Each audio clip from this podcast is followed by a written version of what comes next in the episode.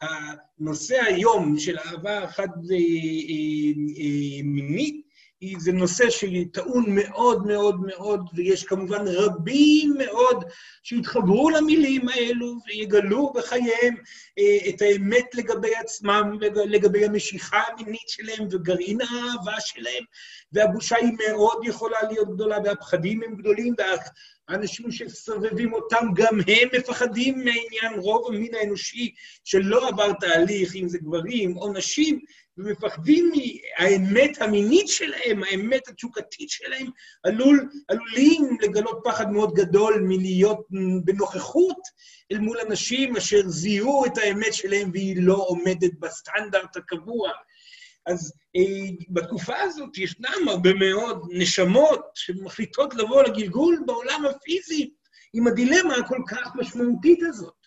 שהיא דילמה שיוצרת קונפליקט רגשי מאוד מאוד מאוד אה, אה, אה, אינטנסיבי, כי, כי בסופו של דבר, אדם שבוחר בתקופה הזאת לפחות, אה, זה יותר טוב ממה שהיה בעבר, אבל עדיין זה לא פשוט, כי אדם שבוחר תהליך אה, בבחירה של מיניות שונה, מאחרים, ובחירת דרך חיים שונה, ויצירת חיים זוגיים אה, אה, בצורה שונה, יתמודד דבר ראשון בצעדיו הראשונים אל מול העובדה שהוא יהיה לבד ומנודה מהחברה.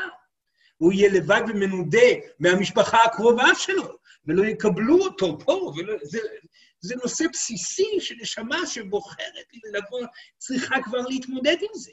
וזה מאוד לא פשוט, לכן חשוב לזכור למי שנמצא במקום שכזה, או מי שמכיר אנשים שהוא אוהב שנמצאים במקום שכזה, עליכם לזכור תמיד שהתהליך הראשוני שצריך לקרות בהחלטה, כמו שאתם מכנים אותה, ליציאה מהארון, היציאה לחופשי. התהליך הראשוני צריך להיות הפרידה מכולם, הפרידה מהמשפחה, השנאה שעלולה לתקוף אתכם, ההתקפה הפיזית שעלולה להגיע, וזה גם חלק מאוד משמעותי, בעיקר לגברים. הפחד שלהם היא באמת מהתקפה פיזית, כי גברים שמסביב שחוששים לאמת מהמיניות שלהם, יכולים להיות אלימים, יכולים, וגם נשים, זה לא נכון להגיד רק גברים. אבל זה, זה, זה, זה, אלו הם נושאים רגשיים מאוד בסיסיים, שהתהליך הראשוני צריך להיות עמוק בתוכם, כי אם לא, זה יישאר בתוכם, והם אף פעם לא יהיו, אתם אף פעם לא תהיו חופשיים באמת, וישנם אנשים כאלה, שבחרו מיניות ובחרו דרך חיים, ואפילו התחתנו עם, עם בן זוג או בת זוג, כל אחד, וחיים חיים משותפים, אבל עדיין אפשר לראות בהם הססנות בתנועה. עדיין אפשר לראות בהם איזשהי סוג של נוקשות, או איזשהי סוג של קשיחות אל מול ההתנהלות היומיומית שלהם, וכמובן שהם לא יכולים להיות מאושרים בצורה כזאת. יש הרבה מאוד כאב שצריך לצאת ולהתבטא מתחילת הדרך. כאב הפרידה, כאב אה, אה, אה, הבדידות, הכאב של חוסר הקבלה של הסביבה, הכאב של דרך החיים השנויה במחלוקת, במרכאות שאתם תצטרכו לנקוט בה, הכאב על כך שאתם לא תהיו מובנים על ידי אחרים, הכאב על כך שהמשפחות הקרובות עלולות לא לקבל אתכם. כל התהליכים הרגשיים האלה משמעותיים מאוד בשביל קבלת האמת הפנימית שנמצאת בתוככם. ואדם שלא עושה את זה, ומפחד מהחוויה החיצונית של האנשים כלפיו או כלפיה, בבחירה שלו או שלה, לא יוכל לבחור בלב שלם את האהבה שהוא בוחר בה. ואין דבר יותר כואב בחיים האלה, סורן חייב לומר, מאשר גבר או אישה, גברים ונשים, שלא יכולים לבחור את אהבתם ולבחור להביע את אהבתם. יש המון מקרים בהיסטוריה האנושית שבגלל החרדה הקיצונית שיש בנושא, הגיעו הנשים והגברים למסקנה שהם אינם יכולים ללכת בדרכם הטבעית, ולכן ניסו לחיות חיים בצורה שונה, אך החיים לא היו מלאים להם. תקף אותם עצב תהומי, הדיכאון היה דיכאון אינסופי, ולכן גם הרבה מאוד מקרים של נשמות כאלו שלא הצליחו לעשות את המסע שסורן מדבר עליו, הגיעו למסקנה מהירה מדי לסיים את חייהם בצורה כזאת, וזה עדיין קורה, ילדים יקרים.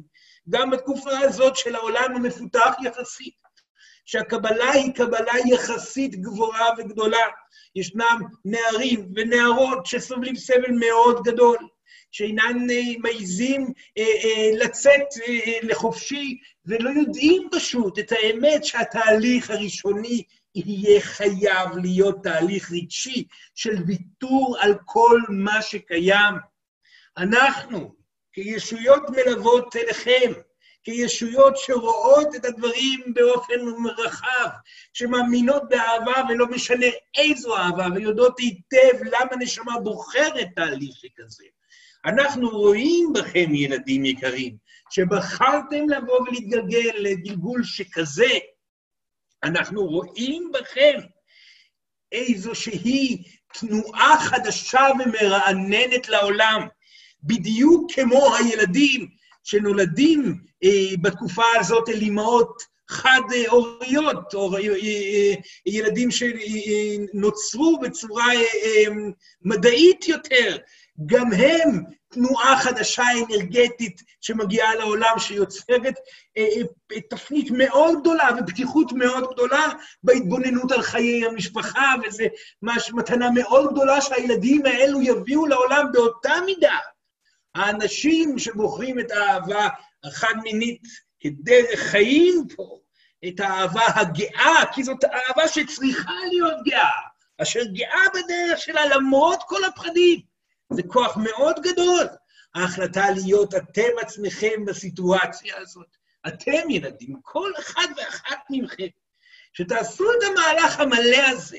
לא רק שאתם תעברו פה תהליכים רגשיים ששווים הרבה מאוד גלגולים, בגלגול אחד של קבלת הלבדות, בגלגול אחד של העברת הרגש של האבל והאובדן, בגלגול אחד של התמודדות אל מול הפחד של האלימות שסביבכם, והמטענים הרגשיים של תוקפנות שיכולה להגיע אליכם.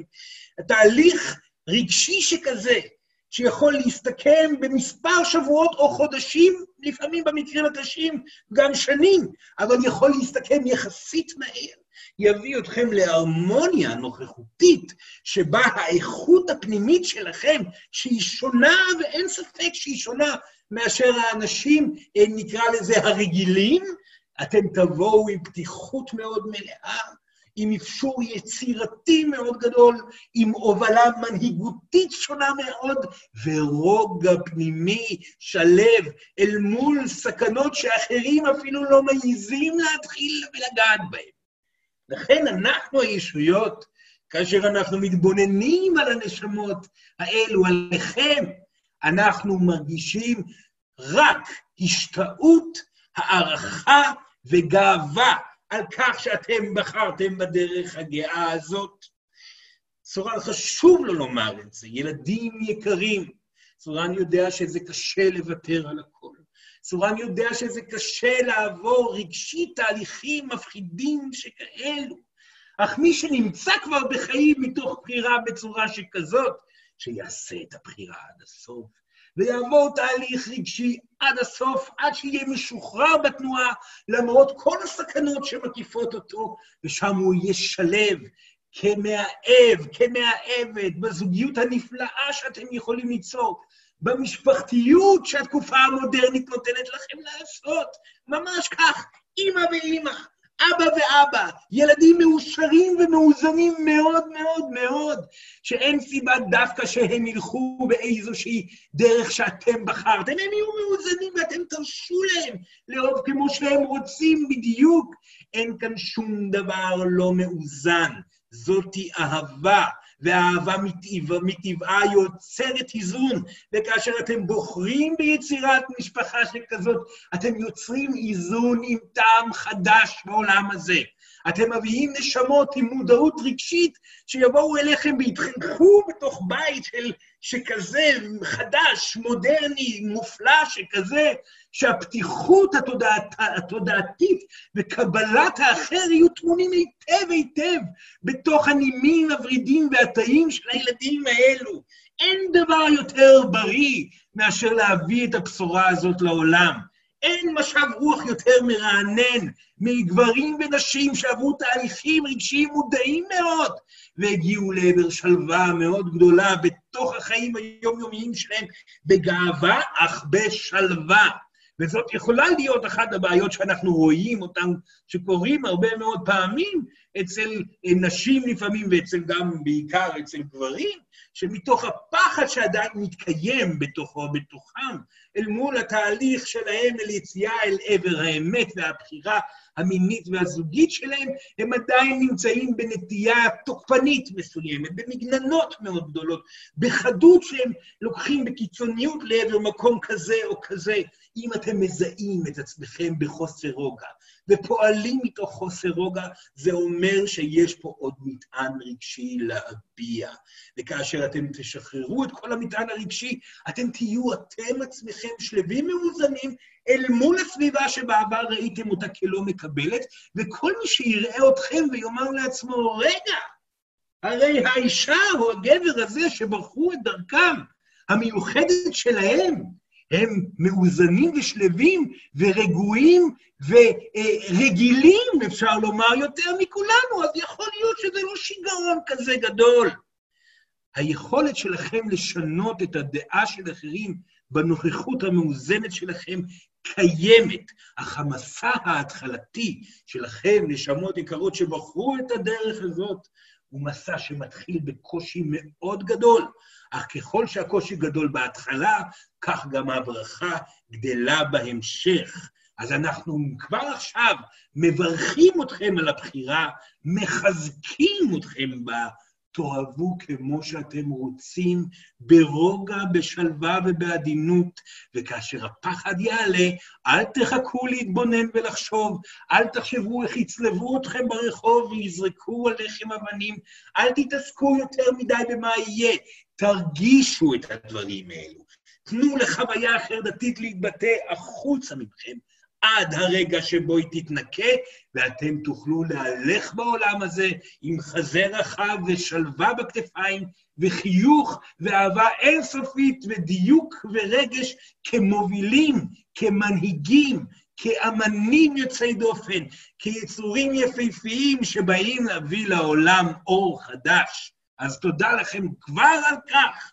אנחנו מודים לכם ומאחלים לכם את כל ההצלחה בדרך הזאת. אתם לא לבד, יש רבים כמוכם, ואתם כקבוצה גדולה ומאוזנת תוכלו עם האמת שאתם תחתרו אליה לעזור לשינוי העולם, והעולם צריך אתכם, צריך אתכם מאוד.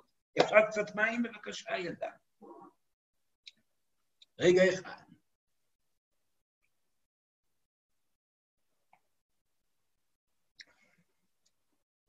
מצוין, תודה.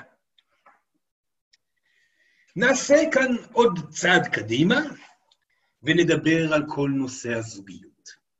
כמובן שאתם נמצאים בתוך מעגל האנרגיה הזוגית כמו כל אדם או אישה אחרת. זאת אומרת, שגם אתם, אם אתם זקוקים לאהבה על מנת להיות מאושרים, עליכם לוודא שאתם נפרדים מאהבה, ומצליחים להיות מאושרים בלעדיה, על מנת שהיא תגיע.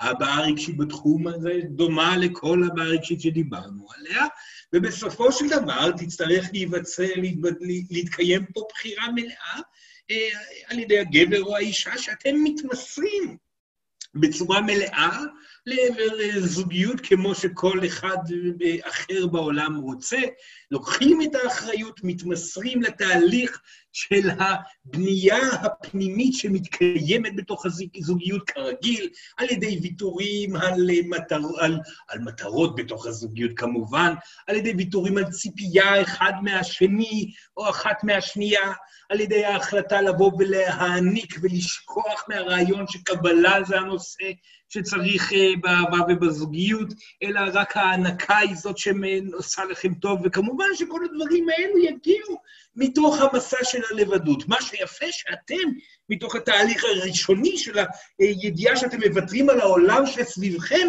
זה יהיה בעצם איזשהו חלק אה, אה, אה, מיידי, השלב הבא, איזשהו גלגול מיידי שיגיע לאחר מכן, אחרי שוויתרתם על המשפחה הגרעינית שלכם, ויתרתם על האנשים הרגילים שסביבכם, שהכירו אתכם בעבר, ויתרתם על כל האהבה החיצונית, אז גם יהיה לכם צורך לוותר על האהבה הזוגית, מה שכולם יצטרכו לעשות סביבכם, אך לכם אה, אה, זה יהיה עוד מהלך מאוד טבעי של גלגול רגשות, ושם כמובן נקווה שכל אחד ואחת מכם יגיעו לשלווה ואיזון בלבדות, מה שיפתח בסופו של דבר את הבחירה הפנימית שלכם, אה, אה, כן לקבלת זוגיות מלאה ולכניסה לתוך תהליך הזוגיות, אה, שאין ספק שגם הוא שונה בכמה דברים מאוד מאוד בסיסיים. כמו שאתם יודעים, סורן מדבר על נשים, מדבר על גברים, על התפקיד של גבר, שהתפקיד של גבר הוא בסופו של דבר ויתור על האגו והבחירה שלו להעניק לאישה שאיתו הכל, ולהצליח לבוא ולהתאזן אל מול התפרצויות רגשיות, ולהיות מדויק ושלם ולראות את האמת שנמצאת בה, ולבוא ולחבק ולסלוח ולזהות מתי האנרגיה התוקפנית שהיא מביעה איננה קשורה בכלל אל אותו גבר, והגבר יוכל לבוא ולהביע מטענים רגשיים בצד של פגיעות, אבל עדיין להיות נוכח ואוהב ומדויק ולקום בבוקר למען אשתו, לייצר את הקרקע לאישה הזאת שהיא תוכל אה, להחלים ולגדול ולהפוך להיות הכהנת שהיא רוצה להיות. ועוד האישה עצמה היא זאת שצריכה לבוא ולהעניק ולבחור לאהוב את הגבר למרות שהוא לא עשה את השינויים שהיא חושבת שהוא צריך לעשות על מנת שנזכה בה, אה, באהבתה. האישה ככל שהיא נפתחת מהר יותר, ככל שהיא מעניקה אהבה גדולה יותר ומצליחה להיות חופשייה באהבתה ובתשוקה המינית שלה וכו', וללא ללא שליטה וללא גבולות, כך היא מגיעה לנשיותה אה, החדשה ולאור הנשי החדש שצריך להוביל את העולם הזה לעבר ריפוי. אז הצדדים הם מאוד מאוד ברורים. הגבר צריך להחליט שהוא אה, אה, משתנה למען אשתו, והאישה צריכה להחליט שהיא מעניקה אהבה לפני, למרות שהגבר עדיין לא השתנה עד הסוף, הגבר צריך לוותר על הרעיון שהוא יקבל אהבה ולתת את הנתינה שלו למרות שהוא לא מקבל את האהבה, והאישה מעצמה היא זאת שצריכה להחליט להעניק את האהבה למרות שהגבר עדיין מסיבה כלשהי לא השתנה. המעגליות הנשית-גברית הזאת מאוד ברורה בזוגיות, ה, אה, אה, נקרא לזה, הרגילה. העניין הוא שכאשר נפגשים אה, בני זוג ששייכים לאותו מין, המצב הוא יותר מסובך. למה? כי ברגע שאתם בוחרים אהבה שכזאת, ובחרתם, וברגע שאתם מתמסרים לאהבה שכזאת, והתמסרתם, אתם מגיעים לסיטואציה שבה הקוטביות הגברית-נשית נמצאת בתנועה מתמדת. הכוונה היא שהגבר שלוקח אחריות פה, והוא זה שנמצא במקום של ויתור על האגו, בסופו של דבר הוא לא יכול להישאר שם כל הזמן, כי החוויה הרגשית הנשית תגיע גם, גם היא אליו, וזה משהו מאוד, מאוד חשוב לומר. סורן, חשוב לו להגיד את זה ויאמר את זה בעדינות, על מנת שלא תהיו מזועזעים מדי. נשמות שבחרו אהבה חד-זוגית הם נשמות אשר הגבריות, נשיות שבתוכם, נמצאים בסופו של דבר בתנועה מתמדת מהרבה בחינות. ואפשר לומר שהנשמות הללו, יש בהן סמיכות יותר גדולה בקוטביות הנשית-גברית בתוכם. הכוונה היא שנשמה גברית יכולה להיות בזיכרון צמוד מאוד לגלגול נשי, ונשמה נשית יכולה להיות בזיכרון צמוד מאוד לגלגול גברי. מה שאנחנו לא רואים בהכרח אצל נשמות גבריות שבוחרת נשים, ונשמות נשיות שבוחרות גברים. הסמיכות הנשמתית הזאת היא יכולה להיות מאוד מורכבת, אך עם זאת יש לה יתרונות מאוד גדולים. מדוע? כי אישה אשר עוברת תהליך בתוך בחירה זוגית חד-מינית, תעבור בתוך התהליך הזה גם את התהליך הגברי. זאת אומרת, היא תצטרך ללמוד את הדרך להיות פתאום יציבה למען האישה שלה. כי עכשיו הקוטביות השתנתה, ולמרות שהיא הייתה קודם האישה שביקשה עכשיו את האהבה ושיכילו אותה, עכשיו היא תצטרך לישון נשימה עמוקה ולהיות באנרגיה הקוטבית הגברית. הגברית, הכוונה היא שאני עכשיו נמצאת פה בשבילך, תביעי את המטען הרגשי, הכל בסדר, וכמה זמן שאת צריכה, אני אהיה בתבנית הנוכחית הכאילו גברית הזאת. ואז באופן טבעי יהיה כאן שינוי בתבנית, ואז האישה שהייתה בתבנית הנשית תהיה שבוע הבא בתבנית הגברית שלה. התנועתיות הזאת היא סוד השלווה והשלום בזוגיות החד-מינית. חשוב לנו שאתם תדעו את זה. כי רוב הריבים שמתקיימים בתוך הזוגיות החד-מינית זה בדיוק על כך. מי הגבר, מי האישה. מי כאן תופס את המקום של היציבות, מי כאן מביע את הרגש וצריך ליצור פורקן, ולכן צריך את הקרקע בשביל ליצור את הפורקן על מנת התנועה קדימה. שניכם. הזוגיות הזאת דורשת משניכם את התנועה הזאת. והרגישות הנוספת שאתם צריכים ללחוש פה, זה בעצם את היכולת לזהות מתי התפקיד הרלוונטי הגיע, ומתי הזמן שלכם לקחת אותו בידיים ולהניח לצד השני לעבור את התפקיד עכשיו השני. ולא להילחם על זה, ולא להתבכיין על זה, ולא להתעקש על זה. תורכם יגיע להיפוך של הכתבים. זה יבוא באופן טבעי. הזוגיות החד-מינית יוצרת איזושהי מעגליות, אחד זה סביב השנייה, או אחד זה סביב השני, שיוצרת כאן תנועה התפתחותית רב-מימדית. וזה משהו מאוד מרגש להתנסות בו. ואנחנו ממליצים לכם, ילדים יקרים, לקבל את זה כבר עכשיו, שזאת הדרך לעשות את זה, ולא להמשיך את מלחמות האגו הרבות שמתקיימות בתוך הזוגיות הזאת, מתוך המחשבה שיש פה איזושהי קוטביות קבועה שאמורה להיות בתוך המערכת הזוגית. זאת בחירה לא פשוטה גם כן בתוך הזוגיות, אך סורן יכול לומר שנשמות שכן בחרו לעשות את המסע הזוגי הזה, ואין רבות כאלו בעולם בכלל, בכלל, בכלל. הנושא של זוגיות פתוחה, חד-מינית, הוא דבר חדש. אתם מהראשונים שיוצרים את זה, לא שזוגיות רגילה אה, דו-מינית עם גבר ואישה זה דבר אה, אה, ישן, גם זה דבר חדש. אבל עדיין אפשר לראות את זה במהלך העשרות אלפי שנים קורה בצורה כזאת או אחרת. כאן הדינמיקה שאותה אנחנו מתארים זה משהו שלא רבים בכלל התנסו בו, ומעטי מעטים בכלל הצליחו בו. זה דורש תנועתיות, וזה דורש התמודדות, גבריות ונשיות בתוך גוף אחד. וזאת מטלה לא פשוטה.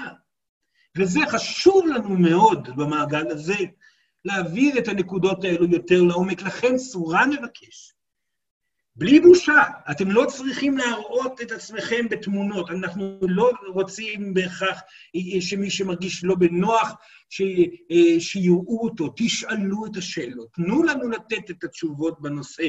תעזרו בידע שיש לנו בשביל לתת חיים ואור בזוגיות החדשה הזאת. חיים ואור בדרך המשמעותית הכל כך, שאתם צריכים להיות היוצרים הראשונים לגשר חדש שיביא לעבר הרמוניה זוגית בתחום הזה.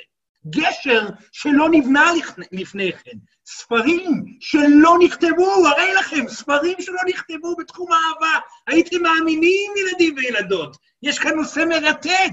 יהיו גאים, יהיו גאים בדרככם, ותבנו את הגשר הזה, חזק, יציב, הרמוני, תנועתי, מדויק, מלא באור, והביאו לעולם הזאת, הזה את הבשורה החדשה, כי יש נשמות רבות שהולכות להגיע הנה בדיוק עם התכונה הזאת, וזאת היא תכונה נהדרת. יש בה ריפוי לעולם, אך ורק ריפוי לעולם. אין מקום לבושה ואין מקום לאלימות. יש מקום להבעה רגשית, שלווה ובחירה והתמסרות עם הלב עד הסוף. מצוין. זה הזמן לשאול שאלות, וסורן מקווה שתהיו אמיצים גם בשאלת השאלות. בבקשה, אפשר קצת מים? תודה, תודה. אז אנחנו נגיד, נזכיר איך אה, שואלים אה, שאלה, צריך אה, להצביע, להרים יד וירטואלית, עושים את זה על ידי לחיצה על כפתור פרטיסיפנט בסרגל למטה, ואז לחיצה על כפתור, raise hand. מי שמעוניין היום לשאול בלי מצלמה, יכול לשאול רק בקולו, לסגור את המצלמה ולהרים יד, ומי שמעוניין לשאול באופן דיסקרטי בעילום שם, יכול לשאול בצ'אט, ואני אשאל את השאלה שלו. אז בבקשה, מי. כן, שלום, מישהי שם? אתה שומע אותי? כן, שלום, שלום ידע. היי, סורן. כן, מי. עול אם uh, אותה קוטביות מתקיימת גם אצל uh, אנשים שיכולים להיות עם שני המינים, uh, ביסקסואלים, כן. ו- וגם אם אותה סמיכות גלגולית מתקיימת באותה מידה. דבר ראשון, אפשר לומר שכן, כי, כי הקוטביות הזאת מתקיימת אה, באופן אה, אה, טבעי אצל כל אדם. זה לא שאין את הקוטביות ואת היכולת לנוע מקצה לקצה מי. העניין היא מה יותר, בעיקר אצל נשים, זה מה אתם בוחרים ובוחרות. האם אישה בוחרת את החיים אה, באהבה החד-מינית, ושם הקוטביות צריכה להתחיל להיות בתנועה, ואם אישה אה, אה, בוחרת את החיים בזוגיות רגילה, זו בחירה, ואז באותו רגע המקום שלה לגדול כאישה הוא יותר מדויק ויותר יהיה נכון לה. אז זה עניין של בחירה נשמתית. בסופו של דבר, אישה שעוברת תהליך עם בחירה האם להיות עם גבר אה, או עם אישה, תגיע להבנה של האם, וכנות אמיתית תוביל אותה לזה, האם היא שייכת למערך הקוטביות המשתנית, או האם היא רוצה להגיע ולחתור לעבר ניקיון רק בנשיות שלה. זאת בחירה נשמתית שכל אישה יכולה לעשות, כי האמת היא שכל אישה יכולה אה, מהרבה בחינות לחוות חוויה של משיכה לאנרגיה נשית. אבל בסופו של דבר, הבחירה הפנימית היא בחירה של אהבה מינית, היא בחירה של תשוקה קיימת, וכן, יש נשים שנמשכות רק לנשים, זה לא, זה, זה קיים הרבה מאוד, אבל ישנם נשים שיטיילו בין המשיכה לגברים ומשיכה לנשים עד שהם יבינו מה נכון להם. האם נכון לי להגיע לנשיות הזאת, האם נכון לי להגיע למעגליות הקוטבית הזאת שאותה תיארנו קודם. בסדר, ילדה? בסדר, תודה. מצוין, בבקשה, ילדה. מורן, בבקשה. כן. אה, מורן, את יכולה לפתוח את המיקרופון, כי אני לא מצליח לפתוח לך אותו. כן. שלום. עכשיו אתה שומע אותי? כן. כן, שלום לך, מורן, איפה היא? סורן לא יכול לראות. שלום, ילדה, סורן שמח לשמוע אותה. תודה. סורן, אה, במקרה של להכיר אה, בת זוג, אוקיי? כן. הקהילה הזאת היא גם ככה די קטנה, ולהגיע לספציפית אה, מישהי ועד שלהכיר ולצאת דייטים במסדרון הפגיעויות, הוא הרבה יותר מצומצם, הוא הרבה יותר אה, קשה. ואיפשהו אני מרגישה שעכשיו אני עוברת, כאילו... אה, בתוכו.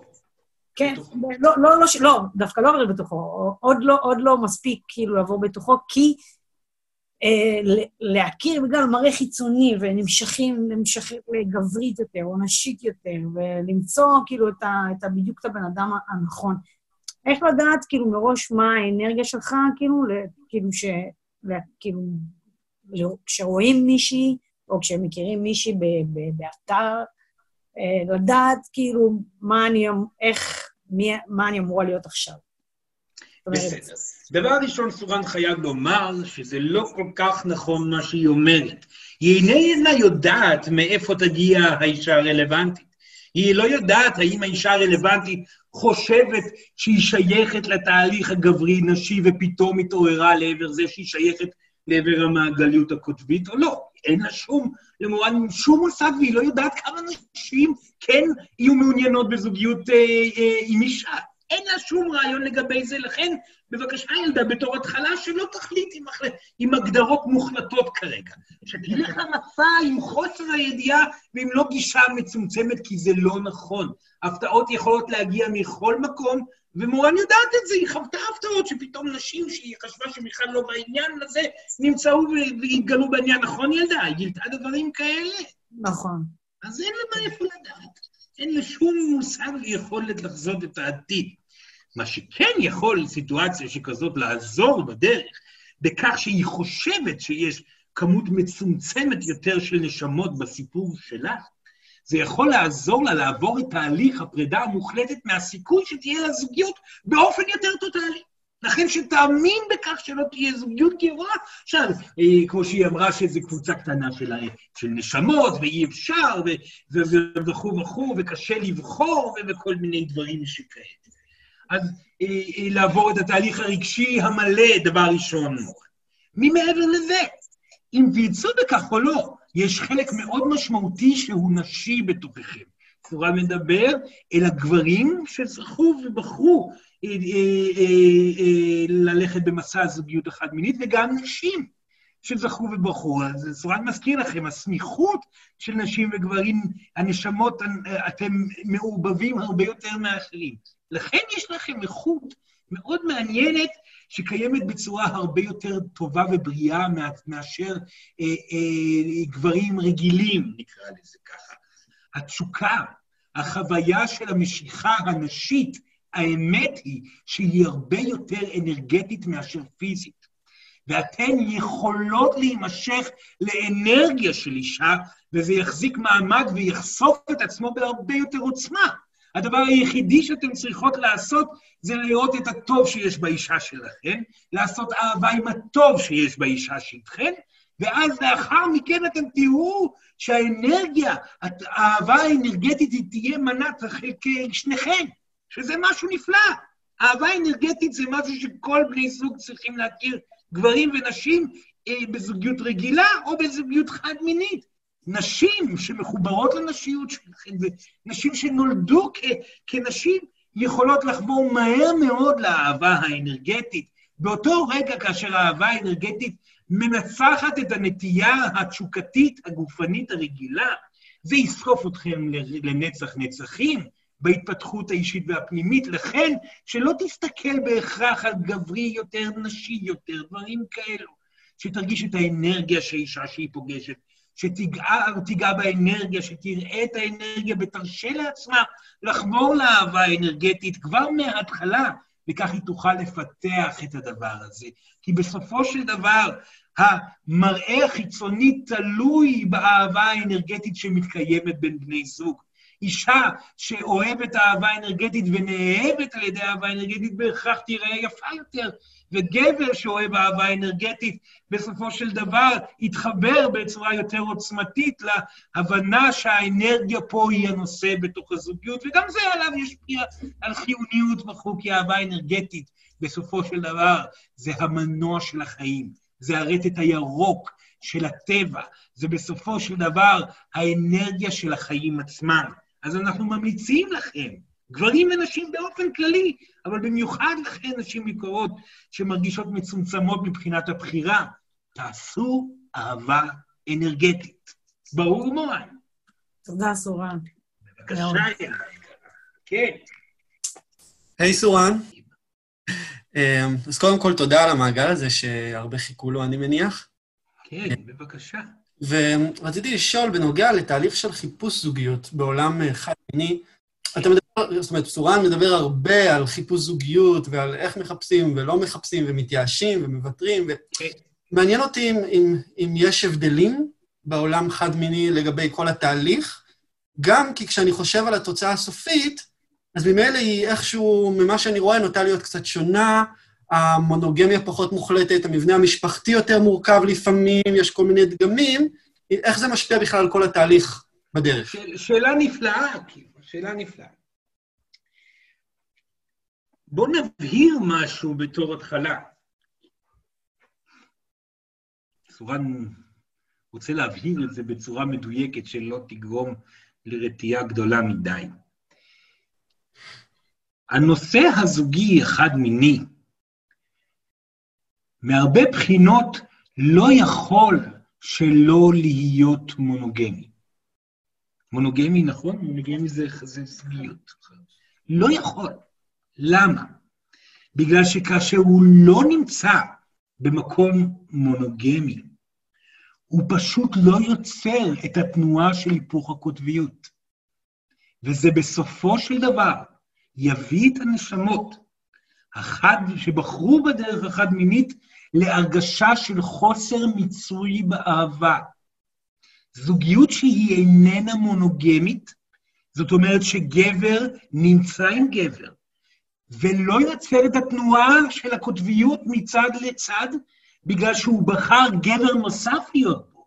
מתוך הפחדים של התהליך המדובר, לא יוכל להפגין את הקוטביות בזוגיות שבה הוא נמצא.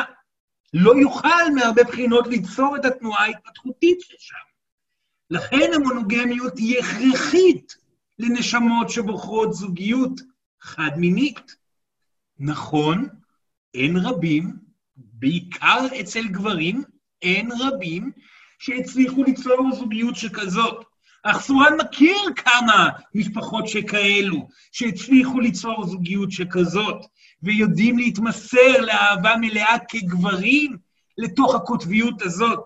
וילדים יקרים, זה גן עדן עלי אדמות שעדיין לא נוסע. לכן, לא להתייאש. זה יוביל למשהו שונה מאוד, אך דומה מהרבה מקרים, מהרבה בחינות. הוא יהיה דומה במשפחתיות, דומה בהתמסרות, ובעיקר לגברים.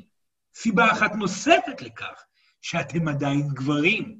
משמעות הדבר, שהצד הגברי יהיה חייב לגרום לנשמה אחת אחרת לבוא וליצור ריפוי בתוכה. גבר שלא מצליח להיות נוכח לחלוטין עם נשמה אחת אחרת, בסופו של דבר תמיד ירגיש שהוא לא עשה את הפעולה המלאה בזוגיות ואת ההשתנות המלאה שאליה הוא חותר, והריפוי המלא שאותו הוא רוצה להעניק. גברים צריכים זוגיות אה, אה, מונוגמית, בעיקר כאשר הם צריכים גם את הקוטביות המשתנה. אמ, כן, אבל אני שוב חוזר לנושא של האם תהליך חיפוש הזוגיות שונה. בסדר, סליחה, סליחה, נכון, סורן נדבק לחלק השני של השאלה שלו. סליחה. אז ההבדל לא גדול. צריך להיות כאן... סורן יעשה עוד צעד אחד אחורה.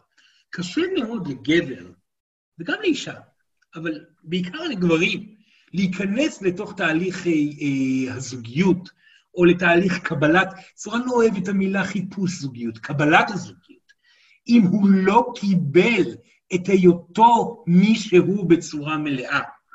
מאוד קשה לעשות תהליך שכזה, של ויתור על הציפייה לאהבה, אם עדיין אותו גבר לא השלים עם היותו מה שהוא.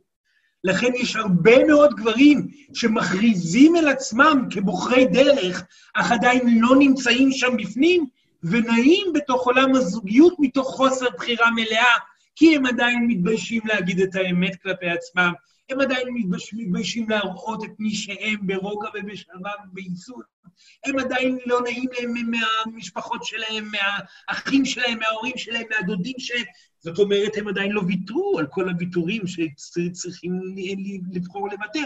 לכן חשוב לזכור, תהליך הזוגיות הסטנדרטי, קבלת הזוגיות הסטנדרטי, שקשור באובדן הציפייה שבכלל תהיה זוגיות, צריך להיות שני לתהליך של הוויתור של קבלת האהבה מהמשפחה, מהחברה, וכל הדברים שאיתם סורן פתח.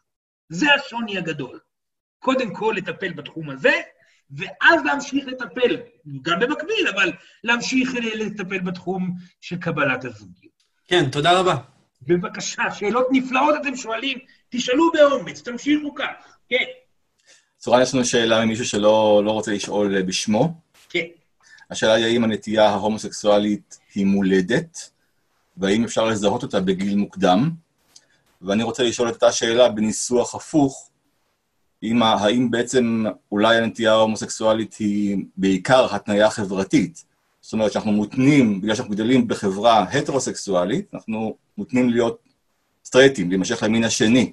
אם היינו גדלים בחברה שהיא כולה ביסקסואלית, אולי כולנו היינו, רובנו היינו ביסקסואלים. כן. אז, אז התשובה לזיו היא לא. מי שנולד עם משיכה טבעית לכיוון מסוים, נולד עם זה. זאת אומרת, הגיע מתחנת הגן עדן לעולם הזה, לא תחנת, מה, מהבית, מהבית שלכם, מהעולם שקיים אחרי, מהחיים שקיימים אחרי החיים האלו, אז אה, אה, מגיע ישירות עם הידיעה שהוא בוחר בדרך שכזאת. זאת בחירה מאוד מאוד מדויקת, שנשמה שמחליטה לסיים תהליכים רגשיים עושה מלפני שהיא מגיעה לעולם הזה. מחליטה לאהוב אהבה כזאת, זה מחליט, כמו שסורן אמר, מחליטה לעבור את כל התהליכים הרגשיים שעליהם דיברנו, ועוד להתמסר לזוגיות שכזאת, ולעבור תהליכים רגשיים שונים. זאת בחירה מלפני. לא משנה איך ההתניה החברתית הייתה, ולא משנה איך היו נראים הדברים. מי שיודע שהוא אוהב גברים, גבר שיודע שהוא אוהב גברים, לא יהיה מאושר עם נשים. לא יהיה מאושר. ואישה, אותו דבר, שיודעת שהיא אוהבת נשים, היא לא תהיה מאושרת עם גברים, ולא משנה איפה היא תיוולד ומה היא תעשה ואיך היא תנסה לזוז. זה קיים בתוככם, זה קיים שם בפנים. נכון, ישנם מקרים של חוסר ודאות, וישנם מקרים של אנשים שיכולים לבחור בשני הצדדים, אבל עדיין הידיעה הפנימית, החוסר יכולת לראות את עצמכם עם סוג בני הזוג השני, אה, היא תהיה כל כך ברורה, אתם פשוט לא תהיו מאושרים. אז לא, אין בזה התניה חברתית. בסופו של דבר, סורן לא מאמין יותר מדי בהתניות חברתיות. סורן גם לא מאמין יותר מדי בחינוך, לא מאמין יותר מדי בדוגמה הורית כזאת או אחרת, חוץ מאשר דיוק ואיזון, שלווה ונתינה ודוגמה של איזון ופתרון של בעיות ודוגמה של אדם שעובר והופך ומתפתח. אתם בסופו של דבר נשמות שכאשר אתם רואים אחר שעושה משהו שהוא לא לטעמכם, אתם לא בהכרח אומרים, או, oh, אני אעשה בדיוק את מה שהוא עושה. אתם אומרים, את זה דווקא אני לא אעשה.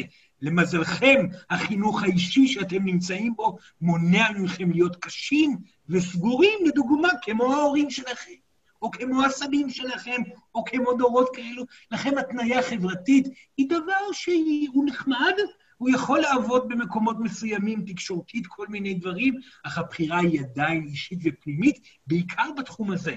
מגיע הרבה מלפני. וכן, האם, עלתה פה שאלה, האם אפשר לזהות את זה בילד?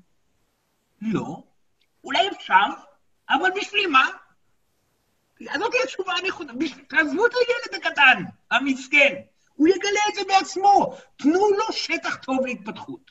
תנו לו מקום שבו הוא יפקח את העיניים לגיל 12 ויבוא ויאמר, אני נמשך לבנים כמוני, והכל בסדר, כי למדתי בבית ספר שהכל בסדר, ויש זוג כזה ופה ו...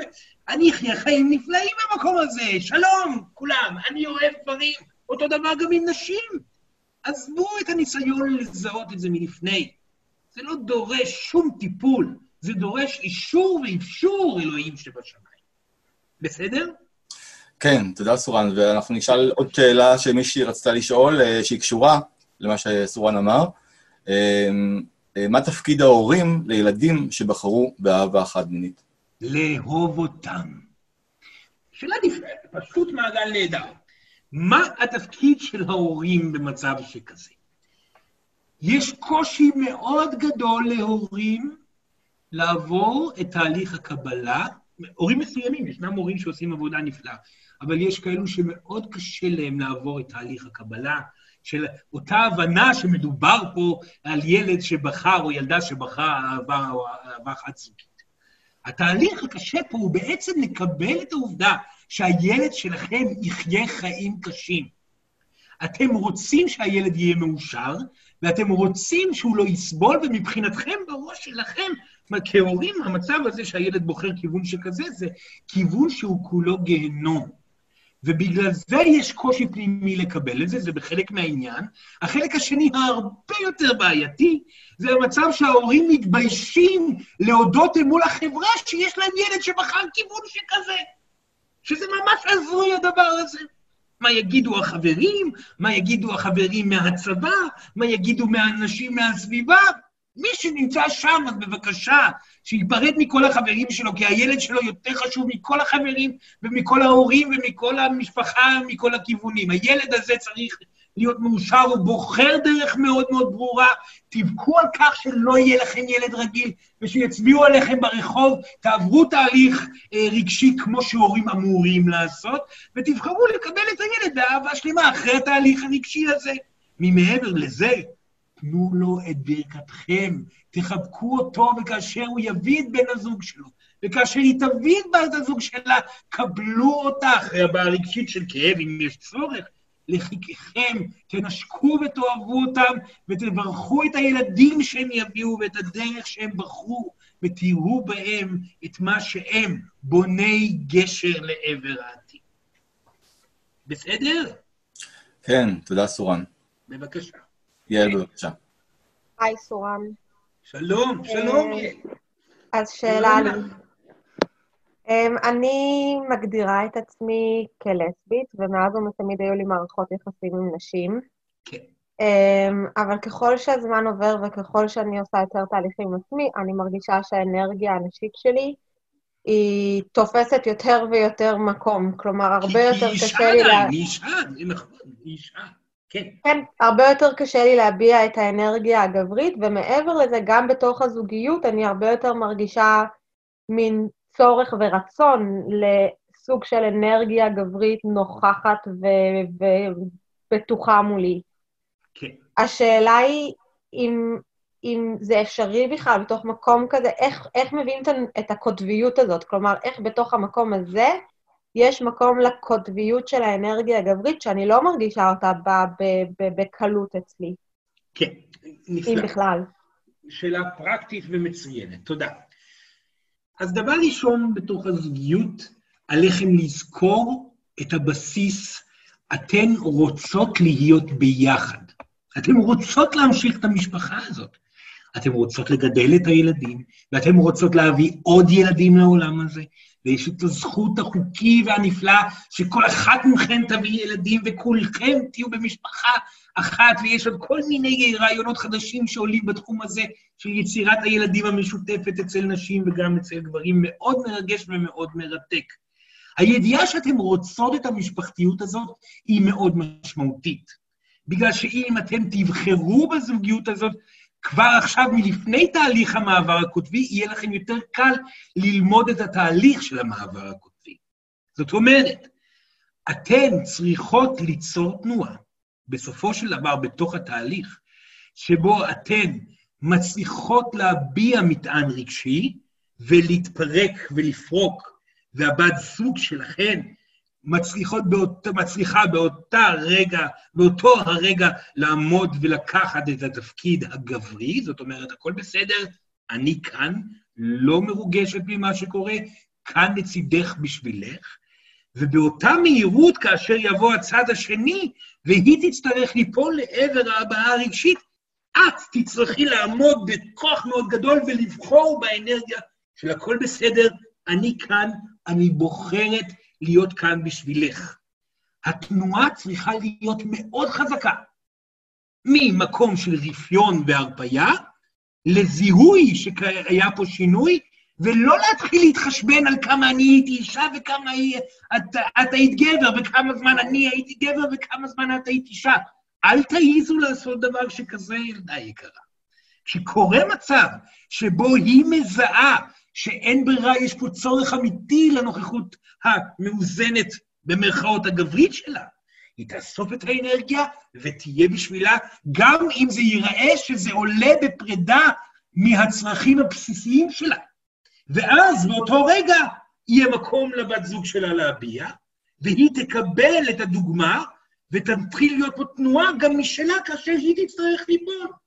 אבל מה שנפלא פה בתוך התהליך, אתם תראו שהתנועת סיבוב הזאת יוצרת שלמות, שההחלטה לבוא ולעמד כלוחמת גדולה ולהיות שם באנרגיה גברית אל מול אה, האישה שהיא אוהבת, שהיא עכשיו צריכה אותה, בסופו של דבר מגיעה באיזה סוג של תנועה החלטית, אבל הגיונית, ואז היא תרגיש טוב באנרגיה החזקה והמלאה הזאת תקופה מסוימת, כאשר פתאום יעלה לה גל רגשי, והיא תיפול, וכאן יתחיל המשחק מהצד השני. אבל אין ספק שבשביל לבחור להיות באנרגיה המחזיקה, התומכת, היציבה, צריכה להיות מעין עמידה אנרגטית.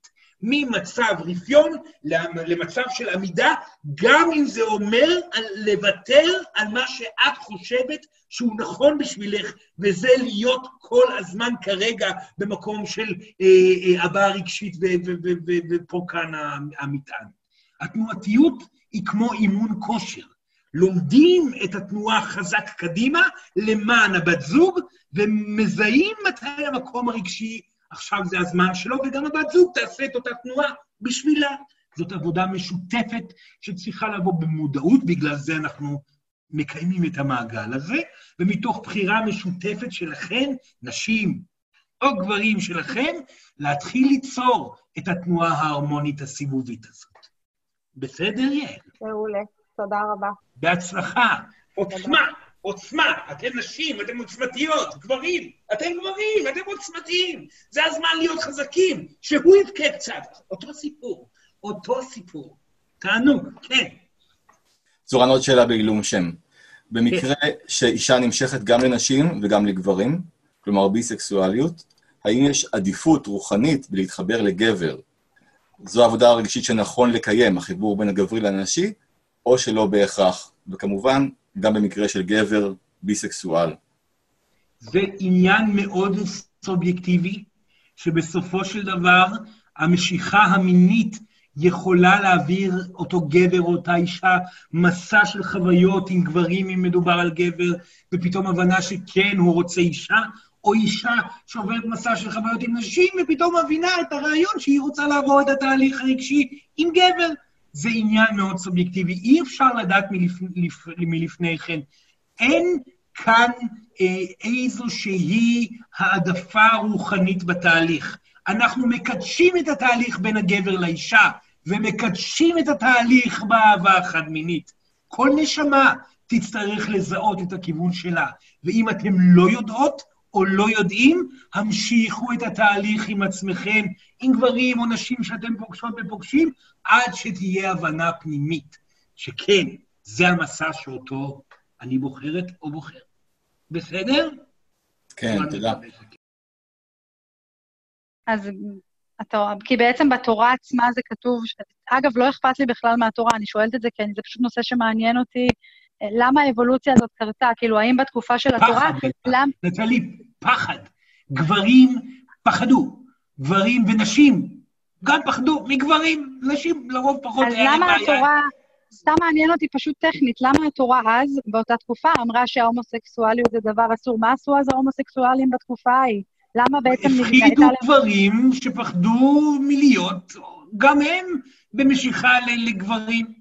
ויש עדיין גברים, גברים שאלימים לגברים שנמשכים אל גברים, הם גברים שלא יודעים אם הם באמת נמשכים אל גברים או לא. חד וחלק. האלימות מגיעה בגלל... כל גבר צריך לעבור את השאלה הבסיסית הזאת, שקיימת אצל כל גבר בגיל מסוים, האם אני נמשך לגברים? האם אני באמת נמשך לגברים, כן או לא? זו שאלה מאוד מאוד רלוונטית. והדרך היחידה אה, לשאול את השאלה הזאת זה בעצם להעמיד את עצמכם כגברים במבחן. מה הכוונה? לא צריך עכשיו ללכת לשכב עם גבר, אבל צריך רגע לדמיין את זה, ולראות באמת אם אתם נמשכים לגברים, אז מה? אז מה יקרה אם אני עכשיו אשכב עם גבר? איך אני אלטף את גופו המחוספס? אעביר את ידיו על שרירי החזה שלו, אגע באיבר מין שלו. אם אתם מרגישים דחייה, אתם לא נמשכים לגברים. אם אתם מרגישים התעוררות, תקבלו את זה. תתחילו לעבור תהליך עם זה, כי עדיף שלא תכחישו את האהבה המינית והתשוקתית שלכם. זה מהלך שהיה קשה לעשות מלפני מספר אלפי שנים, לבקש מגברים, גברים יקרים, אתה מפחד מאהבה גברית או לא? בוא נראה אותך בדמיון שוכב עם גבר. עכשיו אפשר לעשות את זה. ברור נדב? דרך אגב, כן, מה היית אגב ממליץ לבחורה? נגיד, יש לי איזה חברה שיוצאת עם איזה בחור, היא ממש סטרייטית לגמרי, והוא כן ברמה מסוימת אה, נמשך לגברים. מה באופן כללי, נגיד, היית ממליץ לבחורות כאלה?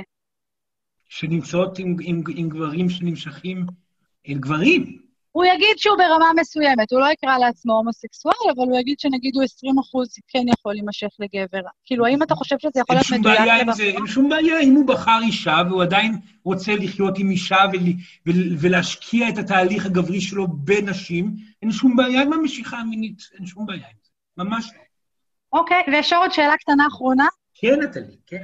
אה, עניין אותי למה, הרבה, למה בעצם האנשים ההומוסקסואלים של היום, של הדור שלנו, לפחות בארץ, אה, נתקלים ב... למה הם נתקלים בכל הקשיים האלה וכל מה שקשור לאימוץ ילדים? כי בסך הכל אין להם אפשרות כמעט לאמץ פה ילדים, וזה עולה להם מאות כן. אלפי שקלים. מה אתה ממליץ להם מאוד- לעשות זה- בנושא זה דבר הזה? ראשון, דבר מאוד מאוד עצוב באופן כללי. הסיבה העיקרית זה בגלל שישנם אנשים שמפחדים מלראות את ההתערערות של הגישה המשפחתית הסטנדרטית, ומנסים להחזיק בכוח את אותה, את אותה סיטואציה קבועה, שחס וחלילה לא יראו פה משפחות מאושרות אשר מתקיימות עם הורים חד-מיניים, או חס וחלילה אה, אה, גברים שמנהלים משפחה בריאה. וזוג גברים מדויקים, הם יביאו משפחה בריאה מאין כמוה. רק תחשבו על זה.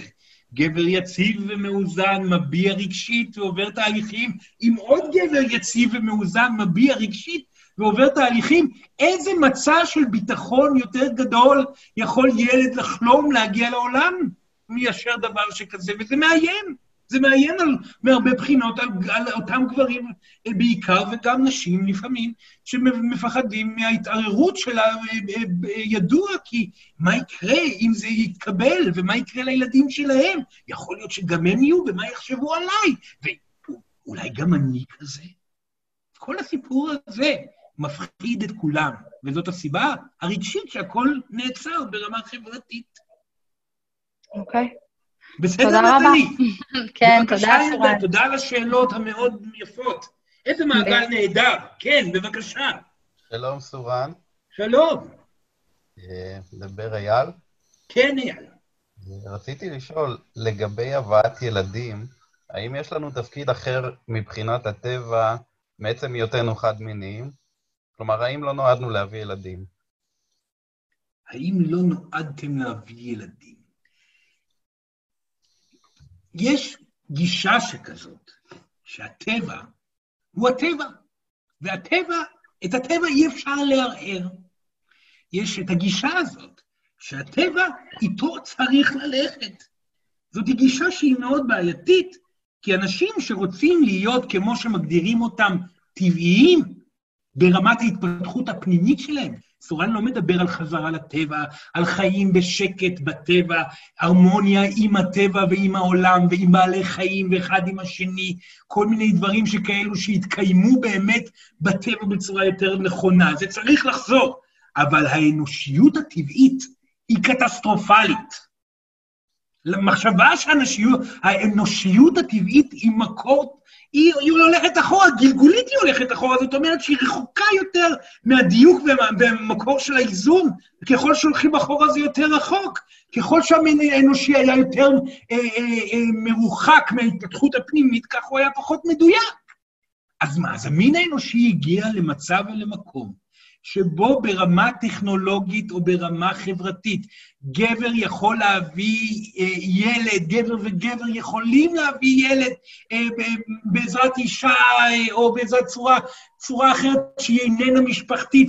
יש את האפשרות הזאת. אלוהים כבר העניקה לעולם את האפשרות. האפשרות קיימת, ניתן לעשות דבר כזה. מהרבה בחינות תמיד היה ניתן לעשות דבר כזה, ועכשיו ניתן לעשות דבר כזה.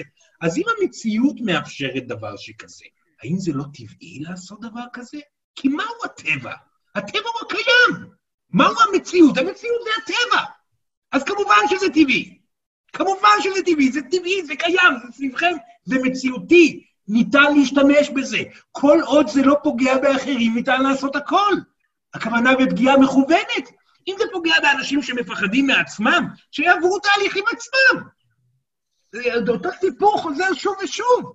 למה נשים לא יכולות ללכת לבית ספר? סורן שמע עכשיו את הסיפור הזה. ילדות רוצות ללכת עם מכנסיים קצרים, קצרים, קצרים לבית ספר. הן רוצות ללכת, חם הן! 40 ומשהו מעלות, העולם מתחמם. עוד רגע יהיה פה חם כל הזמן. מה, הילדות האלה יצטרכו ללכת עם מכנסיים ארוכות שהטמפרטורות פה יעברו את הסף ההיגיון בגלל שאף אחד לא חושב על זה בכלל ולא מתעסקים בזה ומתעסקים בכל מיני שטויות שפסולן לא יודע מאיפה מציעים אותם?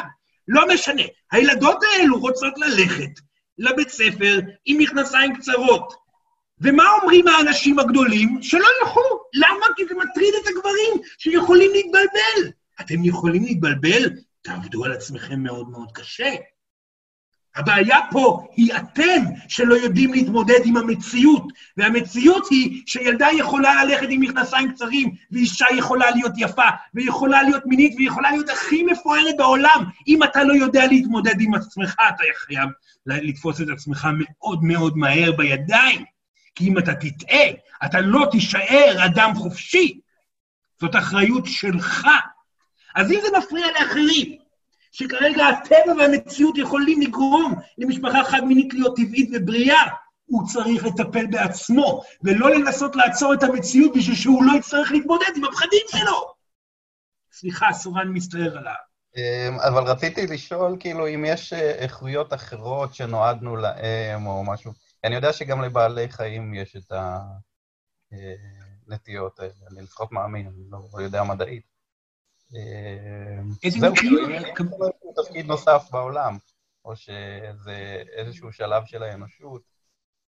לא, סורן לא הבין את השאלה. האם גברים לא אמורים להיות הורים לילד בגלל שיש להם תפקיד אחר בעולם? כן, כי בגלל שהם, בגלל שהם הומוסקסואלים. גברים צריכים להיות הורים. גברים הם הורים, נשים הם אימהות. גברים הם אבים, אבות, אבות, אבות, זה מוזר. ככה אומרים את זה. בסדר, שיהיה בריאות לשפה העברית שלכם. אז גברים צריכים להיות אבא, נשים צריכות להיות אימא. מי שרוצה בזה ומרגיש את זה, זכותו להיות אבא ואימא. נקודה. ההתפתחות האמיתית היא באבהות, אימהות, זוגיות בעיקר, אבל אין ספק באבהות ואימהות, ולא משנה איך עושים את זה. וזכות האבא להיות אבא, כמו שזכות האימא להיות אימא, זאת התפתחות רוחנית. לא לבוא וללכת עכשיו להפגנה ו- ו- ולהפיל את השלטון, לא כולם צריכים לעשות את זה, אולי כמה, לא יודע, לא יודע. אבל גם מי שרוצה לה, לעשות הפגנה ולהפיל את השלטון, עדיף שיהיה אבא ואימא קודם, ואז הוא ידע מה הוא עושה. שקודם כל יהיה לו אחריות על החיים שלו, על ילדים, על איזון, ואז ילך לשנות את העולם. קודם כל תהיו טובים לעצמכם ותעשו את מה שאתם מרגישים לנכון, כשיבוא הצורך, תלכו לייעוד שלכם. אז לא, זה טבעי, וככל שהזמן יעבור, הדברים משתנים, גברים יותר עסוקים בילדים ונשים יותר משתחררות לעבר ייעוד, אז איפה כל חוסר ההיגיון? ברור? כן, כן. בהצלחה, בהצלחה, ילדים, סורן יודע שזה קשה. תודה רבה. סורן יודע, יודע, אבל אתם חייבים להיות גיבורים. זה רק חיים. אל תחכו, זה החיים האלו עכשיו, פה ועכשיו. אל תבואו לעוד גלגול שוב על אותו נושא, חבל, עכשיו, עכשיו. כן, בבקשה. כן, סורן, אה, שאלה ממישהי שרצ- שרצתה לשאול בעילום שם. למה אהבה וסקס מעוררים מטענים כבדים כל כך, במקום שהאהבה תהיה טבעית? האם זה קשור ביכולת להביא ילדים לעולם? רגע, סורן צריך לסדר את השאלה. זיו יכול לחזור על השאלה פעם כן? למה אהבה וסקס מעוררים מטענים כבדים כל כך, במקום שהאהבה תהיה טבעית? האם זה קשור ביכולת להביא ילדים לעולם?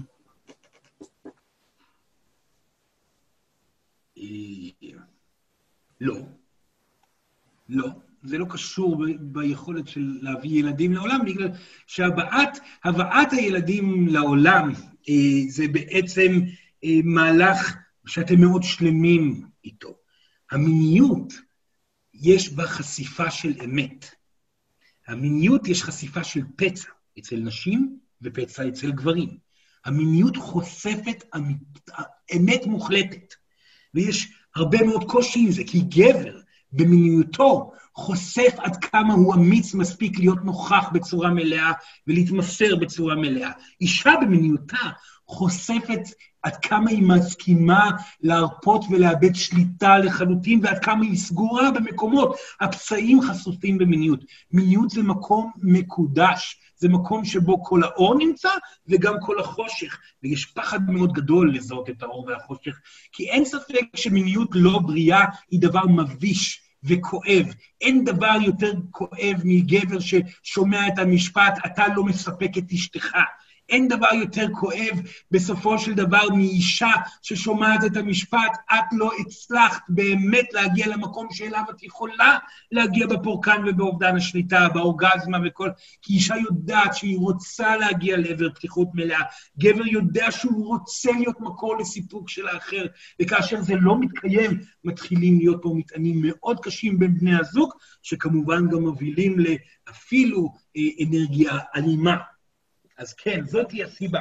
הילדים, הם מגיעים תוך כדי, מה שנקרא. כן. אוקיי, יש לנו שאלה באותו נושא. האם אישה יכולה לחוות עונג שלם באקט שבו היא מביאה את האנרגיה המינית הזכרית שלה בעודה בגוף של אישה? איזו שאלה יפה. דבר ראשון, כמובן שכן. כן? סורן לא יודע לאן להסתכל. כמובן שכן. אישה יכולה להגיע לעונג שלם בעודה מפתחת את היכולות הענקתיות הגבריות שלה. חד וחלק כן.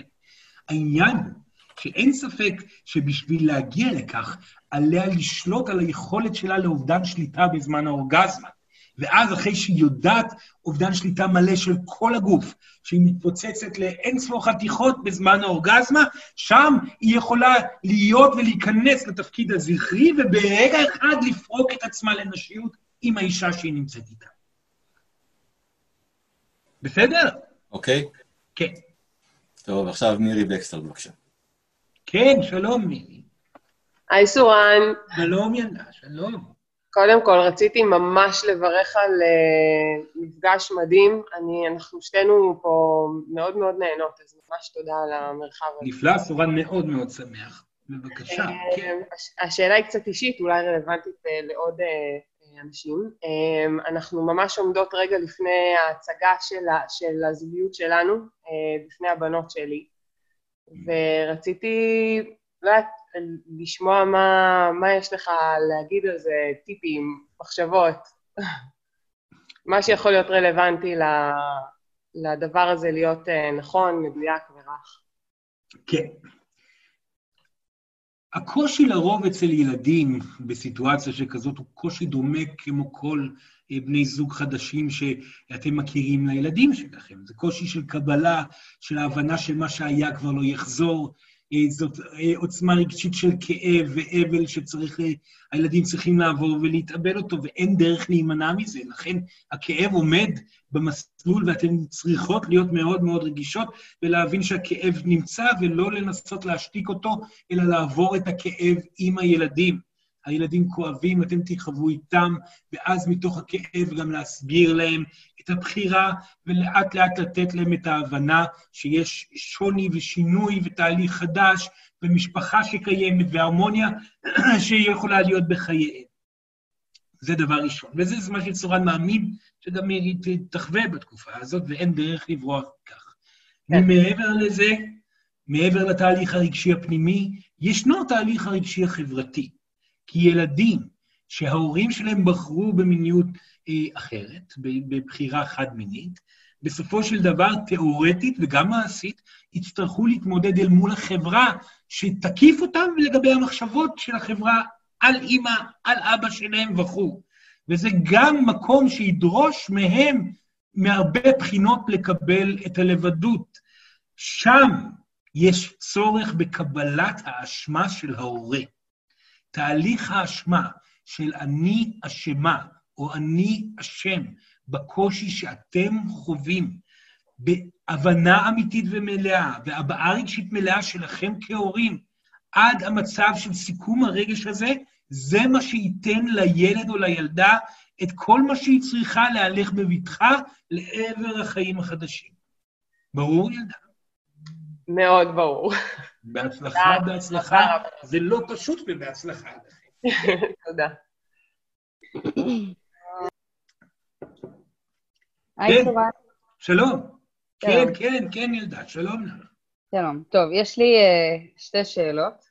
Uh, שאלה ראשונה, uh, אני רגע אתן רקע, ואז ככה זה יהיה יותר ברור. אני בגיל 14 יצאתי מהארון, חברתי יותר לאנרגיה גברית, והיום uh, ככה, אני כבר שלוש שנים מכירה את סורן, נכנסתי למערכת יחסים עם אישה במהלך ההיכרות הראשונה שלי, בשנה הראשונה שלי עם המעגלים, ובעצם מה שקרה לי, זה שהיום אין לי סבלנות לנשים. אני מאוד נהנית בסקס איתן. אני עפה על כל הנושא הזה של מיניות, ובאמת אנרגיה, אה, אנרגיה מינית זה דבר באמת שברור לי, אבל אה, אני מרגישה שאני חייבת לצאת רק עם סורניסטיות, במרכאות, או נשים יציבות. אה, אין לי סבלנות. עכשיו, כן, אה, כן, אה, כן, כן בעצם בחרתי להתחיל לצאת עם גברים מתוך ההבנה שיש לי מטען רגשי מול גברים, אה, ובשביל שכשאני אתנקה מהמטען הרגשי מול הגברים, אני אוכל בעצם לפנות אה, לבחירה, כן, בדיוק, על הבבלה כזה.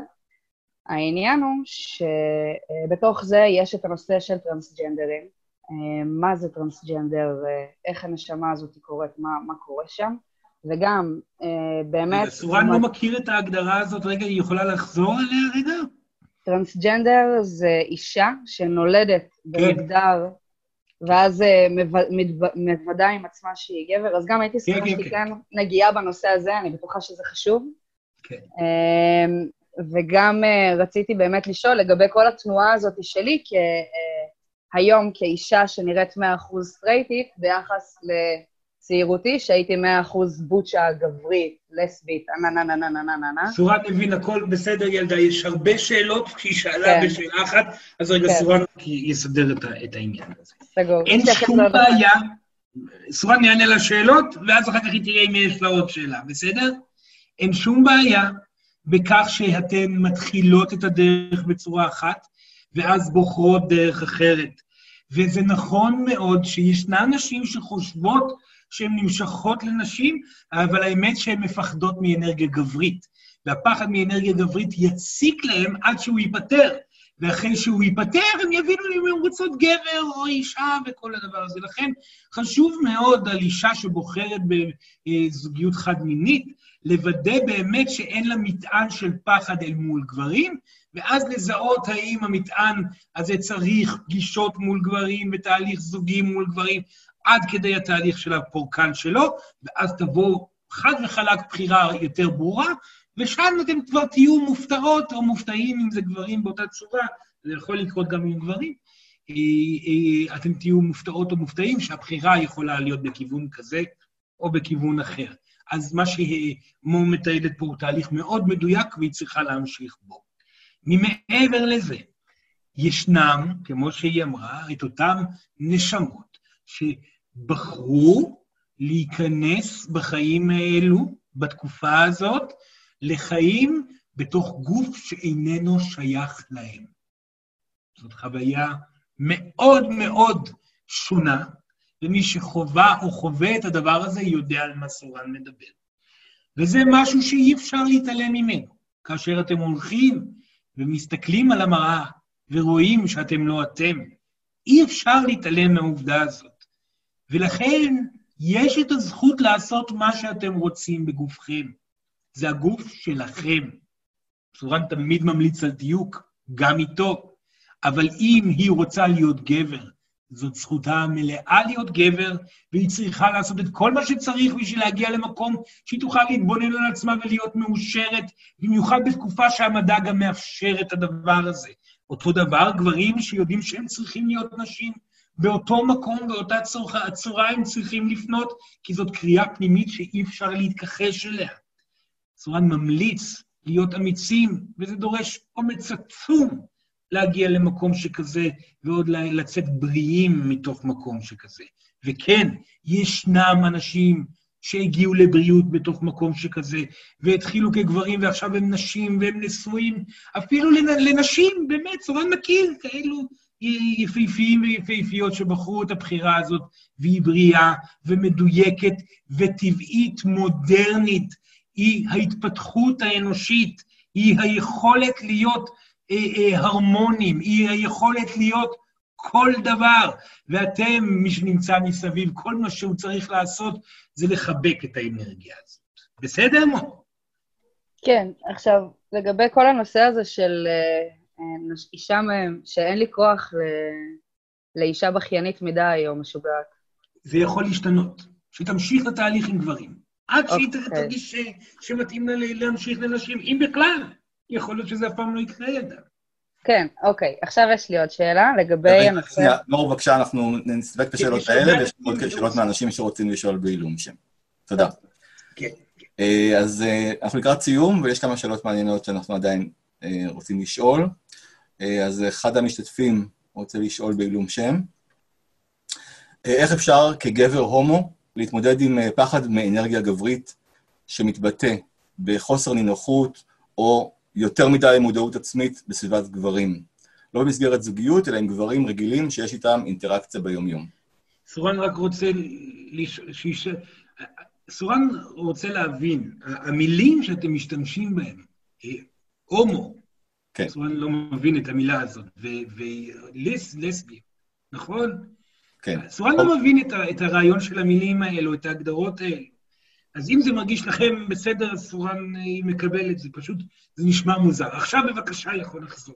כן. אוקיי, אז השואל שואל, איך אפשר כגבר הומו להתמודד עם פחד מאנרגיה גברית, שמתבטא בחוסר נינוחות ואובר מודעות, כלומר, יותר מדי מודעות עצמית בסביבת גברים, לא במסגרת זוגיות, אלא עם גברים רגילים שיש איתם אינטראקציה ביומיום.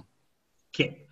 אז בסופו של דבר החוסר נוחות מול גברים תגיע מתוך ערבוב רגשי. דבר ראשון, ידיעה של משיכה והבנה שאתם לא טבעיים בתמונה הקיימת. זאת אומרת שאתם נמשכים ואתם לבד, וזה יגיע גם מתוך הסכנה, הידיעה שאם אתם תהיו אמיתיים, אתם נמצאים בסכנה של דחייה, סכנה של עדיפה, סכנה של נידוי, סכנה של אלימות. כל הדברים שסורן מדבר עליהם הם אלמנטים רגשיים. הפחד מגברים ידרוש מגברים או מנשים שחווים את אותו פחד לחוות את העדיפה, את הנטישה, את הנידוי מתוך בחירה רגשית, עד שהפחד יתרוקן כמו כל רגש אחר. והחלק הראשון אה, של השאלה, של בעצם המקום שבו, לא, זיו יצטרך לחזור על השאלה בהתחלה עוד פעם. היה פחד חלק- מאנרגיה גברית שמתבטא בחוסר נינוחות, או יותר מדי מודעות עצמית. כן.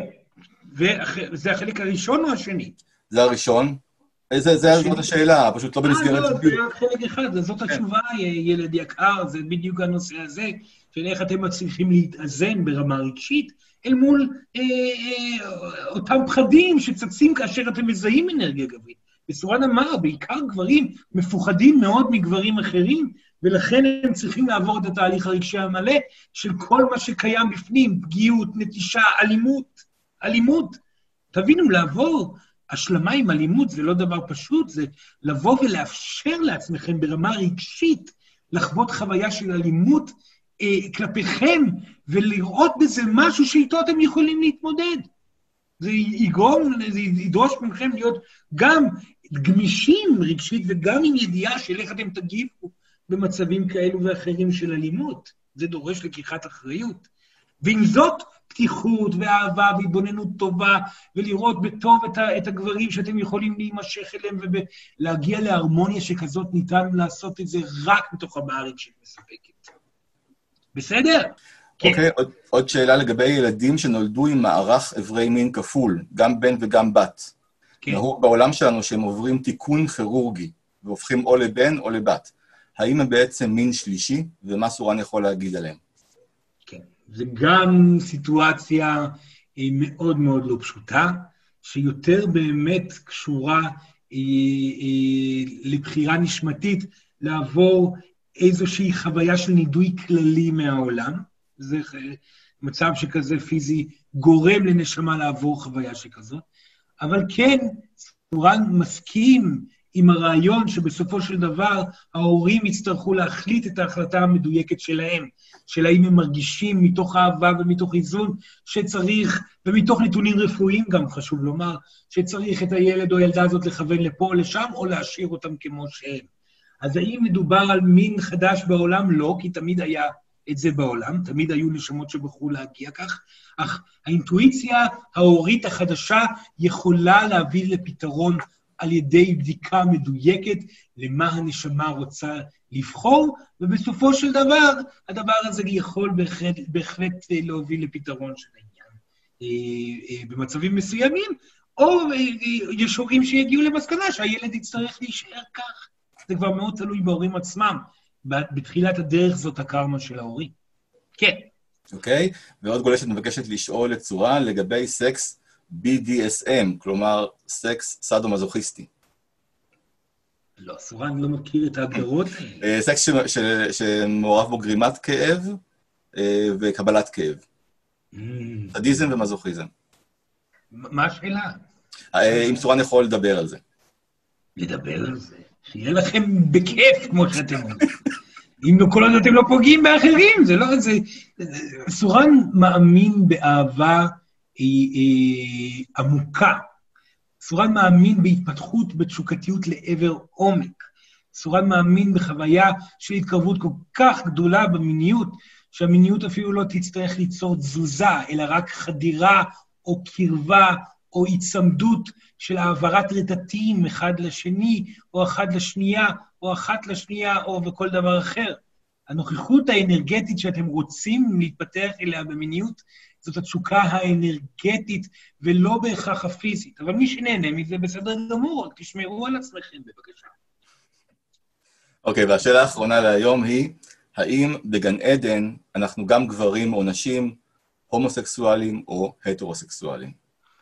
אתם בגן העדן, בבית, חוזרים באיכות הגבוהה ביותר שאליה הגעתם. אתם מי שהייתם בהתפתחות הגלגולית האחרונה שאתם הכי גאים בה. ואתם יכולים להיות האנרגיה הזאת בשלווה ובשלמות, ולהיראות כך בצורה הכי טובה שאתם יכלתם לראות את עצמכם בגלגול הכי איכותי שאתם הייתם בו עד כה. אך עם זאת, יש את היכולת להיות כל דבר, שזאת גם בחירה נשמתית. אז אין שום דבר מוגדר וברור, אבל אין ספק שהגלגול המפותח ביותר שלכם, כך אתם תבחרו להיראות ברוב המקרים בגן העדן. צורן אוהב להיות צורן, צורן בגאה במה שצורן נהיה והיה. אבל זה לא אומר שסורן לא יודע מה הוא היה בגלגולים אחרים, ולא יודע לאן הוא עוד יכול להתפתח ומה הדברים שהוא אליהם הוא יכול להיות. אז הנראות והאיכות הגברית-נשית שלו משתנה מתוך ההתפתחות האנרגטית. אבל זה לא עניינכם. החלק הראשוני שלכם הוא לחוות את עצמכם כמו שאתם, ולזכות בגן העדן בחופש המוחלט של מה שאתם השגתם מתוך עבודה קשה פה באדמה. בסדר? אז כן, כן, יש גברים, יש נשים, יש מיניות, יש ריקודים, יש לצאת ולשתות, יש ללכת ללהקה שאתם אוהבים ולראות אותה למרות שהם כבר לא חיים הרבה מאוד זמן. יש כל דבר שאתם יכולים לדמיין בגן העדן, כי כולם נמצאים שם, ומי שאוהב להיות גבר וללכת יד ביד עם אשתו לטיול ליד הים, למה שיהפוך להיות אישה אם הוא לא רוצה? הכל עניין של בחירה. טוב? כן, תודה רבה, סורן, והגיע הזמן לסיים. מצוין. ילדים יקרים, תודה רבה לכם על המעגל הזה. אנחנו נתראה בהמשך, בהצלחה בדרך, ונשיקות רבות לכם, ומי שצריך אותנו פשוט תוכחו לנו. תודה רבה. תודה רבה. תודה רבה. תודה רבה. תודה רבה. תודה רבה.